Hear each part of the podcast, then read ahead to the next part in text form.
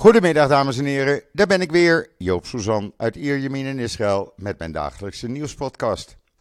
Eerst maar even het weer, want gisteren, nou, nou, nou, het was 35 graden, tenminste bij mij, het was op andere plekken warmer.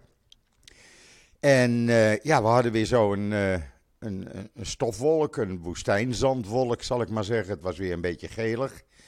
En het was zo heet, je kon gewoon de straat niet op. Het was gewoon op een gegeven ogenblik, eind van de ochtend, te heet. Later in de dag uh, werd dat beter en vanmorgen was die stofwolk, zandwolk, zo je het noemen wil, weer weg. Dat is de derde al die we gehad hebben in, uh, in deze maand. En ja, is een beetje veel van het goede. Het uh, is normaal in het voorjaar, maar zo vaak achter elkaar. En wat ook raar is, vandaag is de temperatuur zo rond de 25, 26 graden. Dat is normaal. Er staat wat wind, maar er wordt op sommige plekken, vooral in het noorden, uh, wat lichte regen verwacht. En dat is ook weer uitzonderlijk. Uh, tenminste voor deze tijd van het jaar, want ja, het regenseizoen is al lang voorbij. Het weer is een tikkeltje van slag. Uh, morgen ook nog. En vanaf dinsdag gaan we weer richting 30 graden. Dus ja, nog even geduld. En dan hebben we weer het normale voorjaarsweer, zullen we maar zeggen. Maar het was jammer, want uh, ja, ik had graag naar het strand gegaan, maar dat zat er niet in. Ja, en dan uh, even COVID. Want uh, ja, daar hebben we natuurlijk ook wel het een en ander weer over te melden. Ten eerste is het zo dat sinds gisteren is er geen verplichte PCR-test meer bij aankomst. Of een PCR-test of antigeentest voordat je richting Israël gaat vliegen of per boot komt.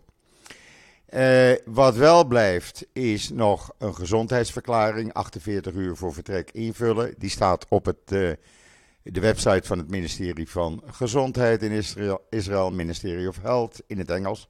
En anders weet je reisbureau er wel uh, raad mee. Vanaf morgen hoeven ook geen mondkapjes meer gedragen te worden op vluchten vanuit Israël. Uh, wel nog naar Amerika als ik het goed heb en een paar andere bestemmingen, maar de meeste naar Europa niet meer. Ik heb dan zoiets dat ik zou zeggen, nou, voor die paar uur doe hem toch maar even op, want je weet het niet, je zit toch in een gesloten ruimte. En dan, COVID is hier, ja, toch wel op zijn retour. Uh, gisteren werden er 1248 nieuwe besmettingen gemeld. Er zijn nog 13.927 mensen die besmet zijn. Vrijdag waren dat er nog 16.160. Uh, dan uh, liggen er 101 COVID-patiënten in ernstige toestand in de ziekenhuizen. 52 van hen kritiek en 44 zijn van hen zijn aangesloten aan beademing. Sinds vrijdag is er één patiënt met COVID overleden en hebben het totaal aantal doden nu op 10.827 staan. Ja, en dan hebben we hier ook twee gevallen van apenpokken geconstateerd. Alle twee bij mannen die terugkwamen uit West-Europa. Uh, men adviseert iedereen die uit het buitenland uh, terugkomt en symptomen heeft om meteen naar een arts toe te gaan of de eerste hulp. Men uh, raakt niet in paniek, men, maar houdt het wel goed in de gaten. Uh, het komt dus alleen maar voor bij mensen die uit Europa terugkomen. Dus ja, uh, daar moet toch even op gelet worden natuurlijk.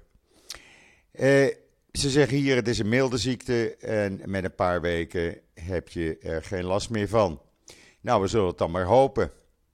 Ja, en dan hebben we natuurlijk nog het verhaal van meneer Hoekstra. Iedereen die mij een beetje gevolgd heeft op Israël Nieuws, die heeft kunnen lezen uh, mijn uh, opinie, laat ik het zo maar noemen. Wat heeft uh, meneer Hoekstra te verbergen? En wat is de fascinatie voor de Nederlandse regering voor Palestijnse terreur, die week in week uit voor dodelijke slachtoffers in Israël zorgt? Ik had u verteld uh, dat meneer Hoekstra woensdag in het geheim, in het geniep zullen we maar zeggen, uh, met uh, de Palestijnse organisatie Al-Haq had gesproken en met de linkse Israëlische organisaties Breaking the Silence en B'Tselem. Dat gebeurde in Ramallah. Daar had ik geen uitnodiging voor gehad, omdat ik schijnbaar op een zwarte lijst sta bij de ambassade hier. Maar in ieder geval, dat is hem niet in dank afgenomen door de Israëlische regering, zullen we maar zeggen.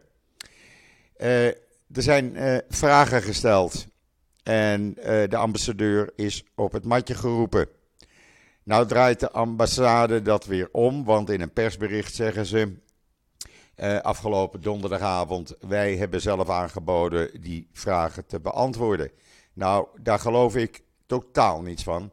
Want meneer Hoekstra heeft die vragen namelijk al beantwoord bij Lapid. Dus ik vraag me af, waarom moet de ambassadeur dan uit zichzelf zeggen van, uh, weet je wat, uh, ik ga het nog wel even beantwoorden aan jullie. Uh, Al-Haq staat hier op de terreurlijst. Nederland vindt van niet. Israël zegt ze zijn onderdeel van het Palestijnse Front voor de Bevrijding van Palestina, PFLP, eh, PP, PFPL. Eh, en eh, samen met een aantal anderen. En dat kan gewoon niet, daar ga je niet mee praten. Of je moet ons daarvan in uh, kennis stellen. Dat had Hoekstra niet gedaan. Het wordt wel duidelijk, blijkt uit onderzoek wat we hebben gedaan samen met NGO Monitor en anderen, dat ja, meneer Hoekstra, denk ik, ja, in de maling is genomen. In de maling is genomen door zijn directeur Buitenlandse Zaken, meneer Mollema. Meneer Mollema was eerst ambassadeur, zullen we maar zeggen, bij de Palestijnen in Ramallah. Daar heeft hij een tijdje gezeten. En is nu directeur Buitenlandse Zaken. En meneer Mollema heeft een zoon, meneer Niels Mollema. Die heeft gewerkt bij Al-Haq. Daar heb je hem. Doet ook hand- en spandiensten voor Amnesty. En misschien zou het best eens een soort van wraak kunnen zijn. Want ja, meneer Hoekstra heeft twee weken geleden nog publiekelijk in de Tweede Kamer gezegd: het rapport over apartheid, geschreven door Amnesty, in de prullenbak te gooien. Ja, dan kan ik me voorstellen dat daar een soort wraak is. Maar we zijn daar nog mee bezig om dat allemaal uit te zoeken. Wat schetst mij verbazing op vrijdagmorgen? Ik krijg toegespeeld een retweet van de Nederlandse ambassadeur in Tel Aviv, meneer Hans Dokter. Die retweet een tweet van Rena Netjes. Rena Netjes staat al jaren bekend als een notoire uh, Israël-haatster en uh, is alleen maar pro-Palestijns. Dat mag. Uh, maar zij antwoordt op een tweet van Gert-Jan Segers. Die schrijft een mooie kennismaking gehad met de nieuwe ambassadeur van een nieuw, perfect, maar wel bijzonder land in het Midden-Oosten. De Israëlische ambassadeur. en daar schrijft hij bij: Het is een levendige, veelkleurige democratie, een multiculturele samenleving een innovatieve economie en een veilig huis voor Joden in een wereld met veel antisemitisme. Rena Netjes schrijft: Wat een droom was en is voor de Joden die in Rusland, pogroms en in West-Europa werden uitgemoord. Niet in de Arabische landen, nou, is een grote leugen. De Joden zijn eh, 900.000 man sterk eh, de, in het begin van de jaren 50 de Arabische landen uitgegooid eh, werd een nachtmerrie voor de Palestijnen. Appeasement van Israëls bezettingspolitiek maakt de zaken alleen maar erger. Wat doet Hans Dokter? Die retweet dit. Wij maken hem erop patent. Ik zeg, ik vind het niet kunnen dat de Nederlandse ambassadeur in Israël zich openlijk tegen Israël uitlaat door het retweeten van deze tweet van een notoire Israël-haatster. Dan kan je maar meteen beter je koffers gaan pakken en zo snel mogelijk vertrekken. Korte tijd later, half uurtje later, uh, verwijdert Hans Dokter deze tweet. En retweet alleen Gert-Jan Zegers. Bedankt voor het uh, wijzen op, het, uh, op mijn fout, op het misverstand. Ik had bedoeld de tweet van Gert-Jan Zegers. Ja, Amahula, dan had je die eruit moeten halen en die meteen moeten retweeten en niet Rena Netjes. Ik heb hem dan ook gevraagd of dat hetzelfde misverstand is. Dat ik al jaren schijnbaar op een zwarte lijst sta. Want als er persberichten uitgaan van de Nederlandse ambassade, krijg ik die niet.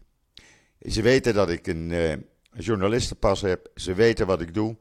Maar ik krijg het niet, omdat ik kritiek heb op het beleid van de Nederlandse regering. Dat mag schijnbaar niet van de Nederlandse ambassade in Tel Aviv. En dan uh, kom je op een soort zwarte lijst te staan.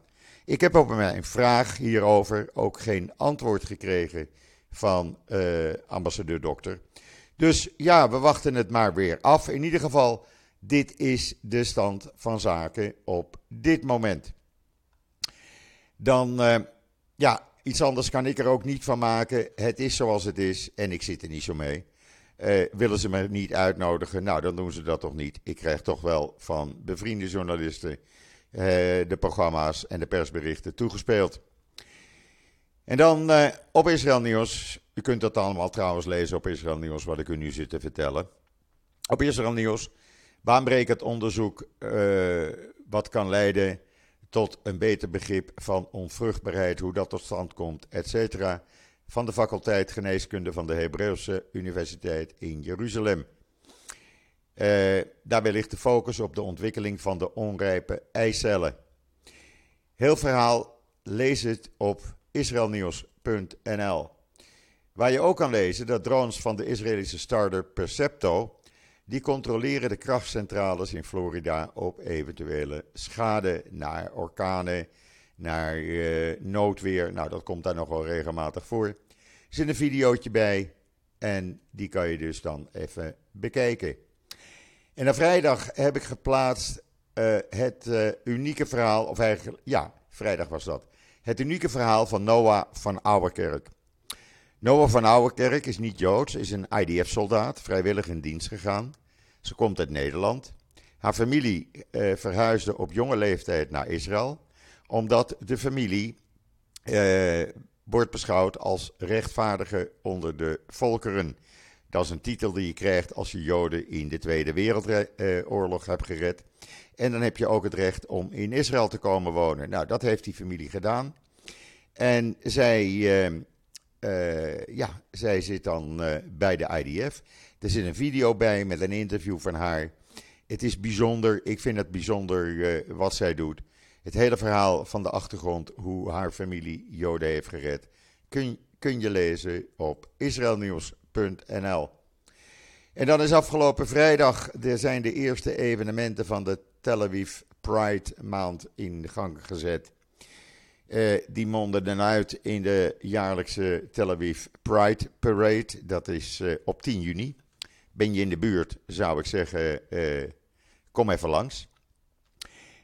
Vorig jaar waren daar zo'n 100.000 mensen. Het is altijd enorm druk. Het is gezellig. Er zijn praalwagens langs de boulevard bij het strand. Zijn optredens. Het is één groot feest. Ben je in de buurt 10 juni? Ik zou zeggen, kom gezellig naar Tel Aviv. En geniet van het grote Pridefeest. Want ja, het kan gewoon. Ook dat is Israël. Het is niet alleen maar ultra-orthodox, gelukkig. En dan uh, heb ik vrijdag ook nog geplaatst de logboeken die zijn vrijgegeven naar aanleiding van de kaping van de Sabena-vlucht nummer 571, nu precies 50 jaar geleden. Dat is een heel verhaal. Uh, ik ga dat niet allemaal uitleggen, maar van minuut tot minuut staat daarin hoe uiteindelijk uh, de kapers zijn uitgeschakeld. Er zit ook een video bij en de passagiers gered. Uh, je leert dan ja, alle discussies die er geweest zijn van minuut tot minuut. Ik vond het enorm interessant om te lezen, want er staan dingen in die ik gewoon niet wist. Op israelnieuws.nl. En dan is er een uh, grote substantiële poging tot wapensmokkel vanuit Israël naar de Westbank vereideld. Gestolen munitie en wapens van de IDF probeerde men uh, in de nacht van donderdag op vrijdag naar de Palestijnse gebieden te smokkelen. De IDF was uh, op zijn hoede en heeft alle betrokkenen opgepakt. Ja, en dan vanmorgen heb ik op Twitter neergezet hoe je het nieuws voorgeschoteld krijgt. Het is een video uh, die op Twitter is verschenen, waarbij je kan zien dat het gooien van stenen met demonstraties met uh, Palestijnse vlaggen helemaal in scène is gezet. Het enige wat ontbreekt is misschien de grimeur. Uh, het wordt helemaal in scène gezet en gefilmd, gefotografeerd en dan op social media geplaatst. En dan lijkt het net van jongens, we zijn weer aan het demonstreren, heel spontaan. Nou, aan hula. Dus niet.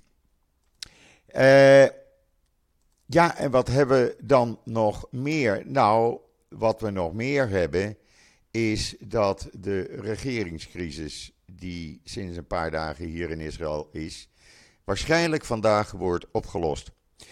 Uh, u weet, als u mij een beetje gevolgd hebt, dat uh, de Meretz, uh, het linkse Meretz Knesset-lied, de, de Arabische Gaida Rinawi Zoabi, die stapte uit de regering, want, of uit de coalitie, want ze vond het allemaal maar niks. Zoals de politie tekeer ging bij de begrafenis van die Al Jazeera-journalisten. Ze vindt de behandeling van de rellen op de Al-Aqsa-moskee op de Tempelberg niks. Opeens had ze overal problemen mee. Nou, er is met haar gesproken en het zou mogelijk kunnen zijn dat ze weer in de coalitie zitting gaat nemen. Maar dat ze dan mee gaat stemmen met uh, de islamitische Ra'an-partij. Het zou ook kunnen dat ze haar Knessetzetel houdt en schriftelijk gaat vastleggen dat ze niet tegen deze regering gaat stemmen. We zullen zien hoe het gaat aflopen. In ieder geval, morgen uh, komt er een stemming over uh, studiebeurzen aan de IDF uh, in stemming. Daar is heel wat om te doen binnen de Likud-partij, want Netanyahu eist van iedereen dat ze tegen ieder wetsvoorstel van deze coalitie stemmen, ongeacht of het nou wel of niet goed is. Nou, daar heb je de soldaten dan mee, want men wil 66% van de studiebeurs vergoeden. De overige 34% wordt vergoed door de IDF. Dan zit je dus op 100%. Nee, zegt de Likud, wij stemmen alleen maar voor als de overheid 100% uh, eh, vergoedt van deze studiebeurzen van soldaten die hun diensttijd erop hebben zitten. Nou, dan kom je precies op hetzelfde uit. Uh, dus het is alleen maar pesten. En dat doe je de uh, soldaten die willen studeren geen goed mee. We zullen het zien. Woensdagavond willen ze misschien tegen deze regering gaan stemmen. Ook dat gaan we afwachten. Want als er geen meerderheid in de Knesset is, hoef je ook niet te stemmen. En dan Julie Edelstein is de nummer 2 in de Likud-partij, achter Netanyahu. En die komt met het voorstel van mochten er verkiezingen komen en Netanyahu kan geen regering samenstellen, en dat ziet het er op dit moment ook naar uit, dan stel ik voor dat we uh, verkiezingen houden wie de partij gaat leiden. Nou, daar is uh, Netanyahu weer niet blij mee, dus het is weer een hele bonje in de Likud. U kunt het lezen in de Times of Israel. En dan was er een Arabische Israëli, die uh, won het wereldkampioenschap kickboksen in Turkije afgelopen weekend in een gewichtsklasse onder de 75 kilo. Hij kreeg geen handdruk van zijn Marokkaanse tegenstander, allebei Arabieren. Nee, dat deed hij niet. En toen hij dus gekroond werd tot wereldkampioen, zwaaide hij met de Israëlische vlag. En toen werd hem gevraagd, hij is een christelijke Arabier uit uh, Kfar Yassif, dat is toevallig uh, een paar kilometer van de kibbutz Beta Emek, waar een van mijn broers al meer dan 50 jaar woont. En hij zegt tegen Channel 12: luister, mijn doel is het vertegenwoordigen van Israël in, in internationale wedstrijden en ook om de coexistentie te bevorderen. Want ik ben in de eerste plaats een Israëlisch staatsburger. Maakt mij niet uit of iemand Joods is, islamist, christen of druus. Ik vertegenwoordig het land en wil dat iedereen hier in vrede met elkaar leeft. Hoe mooi is dat? Ook dat in de Times of Israel. En dan vandaag is de Europese uh, parlementsvoorzitter uh, Roberto Metsola in Israël aangekomen voor een tweedaags bezoek. Het is voor het eerst sinds 2014 dat een president van het Europese parlement Israël bezoekt. Ze gaat ook nog uh, met de Palestijnen praten. Ze gaat ook naar Yad Vashem. Ze gaat met studenten praten op de Universiteit van Tel Aviv. En ze gaat het Europa Bos Observatorium bij Bet Shemesh inhuldigen. Nou, ze hebben het er maar druk mee. We zullen zien wat voor berichten bij haar vandaan komen. En er zijn er opnieuw drie mensen gearresteerd wegens het aanvallen van uh, de medewerkers van het uh, Sheba ziekenhuis. Uh, er zitten er nu vijf vast, allebei uit, alle vijf uit Oost-Jeruzalem. Sorry, het is het Hadassah Medisch Centrum op Mount Scopus, pardon. die hebben daar de boel even verbouwd, hebben verplegend personeel aangevallen omdat een van hun familieleden was overleden. Ja, dan doe je dit soort dingen natuurlijk niet en kijken of er nog meer worden opgepakt. En dan is er een nieuwe commandant voor het Homefront. Dat is de generaal die zonder toestemming een Hezbollah-tunnel binnenging en onder Beirut met een aantal soldaten ging lopen. Hij werd daarvoor gestraft doordat hij een paar uh, jaar even moest wachten op zijn promotie. Maar uh, hij is nu uiteindelijk de nieuwe baas van het Homefront uh, Command. Dus weten we dat ook. En dan was het gisteravond feest in Jeruzalem tussen aanhalingstekens. Want de Goer, uh, ultra-orthodoxe, die schijnen twee partijen te hebben. En die begonnen ramen in te slaan, tegen elkaar te vechten.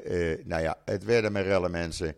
Als je even op mijn timeline kijkt, uh, dan zie je de video's. Het was in ieder geval weer feest nadat de Shabbat voorbij was. En dan heel zielig, heel triest.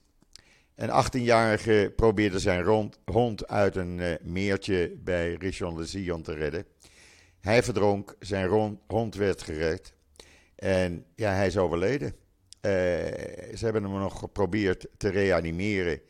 Uh, hij worstelde toen hij het water in sprong. Hij kon waarschijnlijk niet zwemmen. En ja, hij is helaas overleden. Hoe triest dit is dit.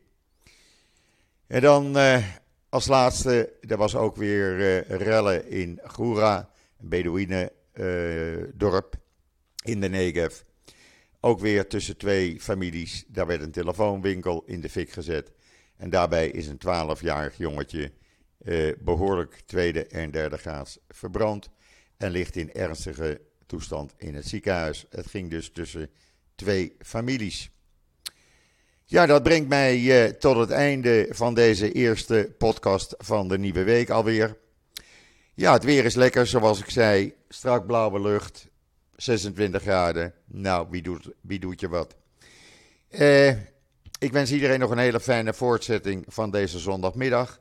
Strakjes Max Verstappen kijken.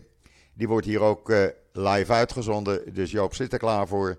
Dat is hier om 4 uur begint het. In Nederland 3 uur. Belooft een mooie race te worden. Ik heb gisteren de kwalificatie gezien. En Max, uh, ja, in zijn laatste ronde had hij wat motorproblemen. Jammer, hij werd dan tweede. Maar hij staat wel vooraan. We gaan het meemaken. Ik ben er morgen weer en zeg zoals altijd: tot ziens.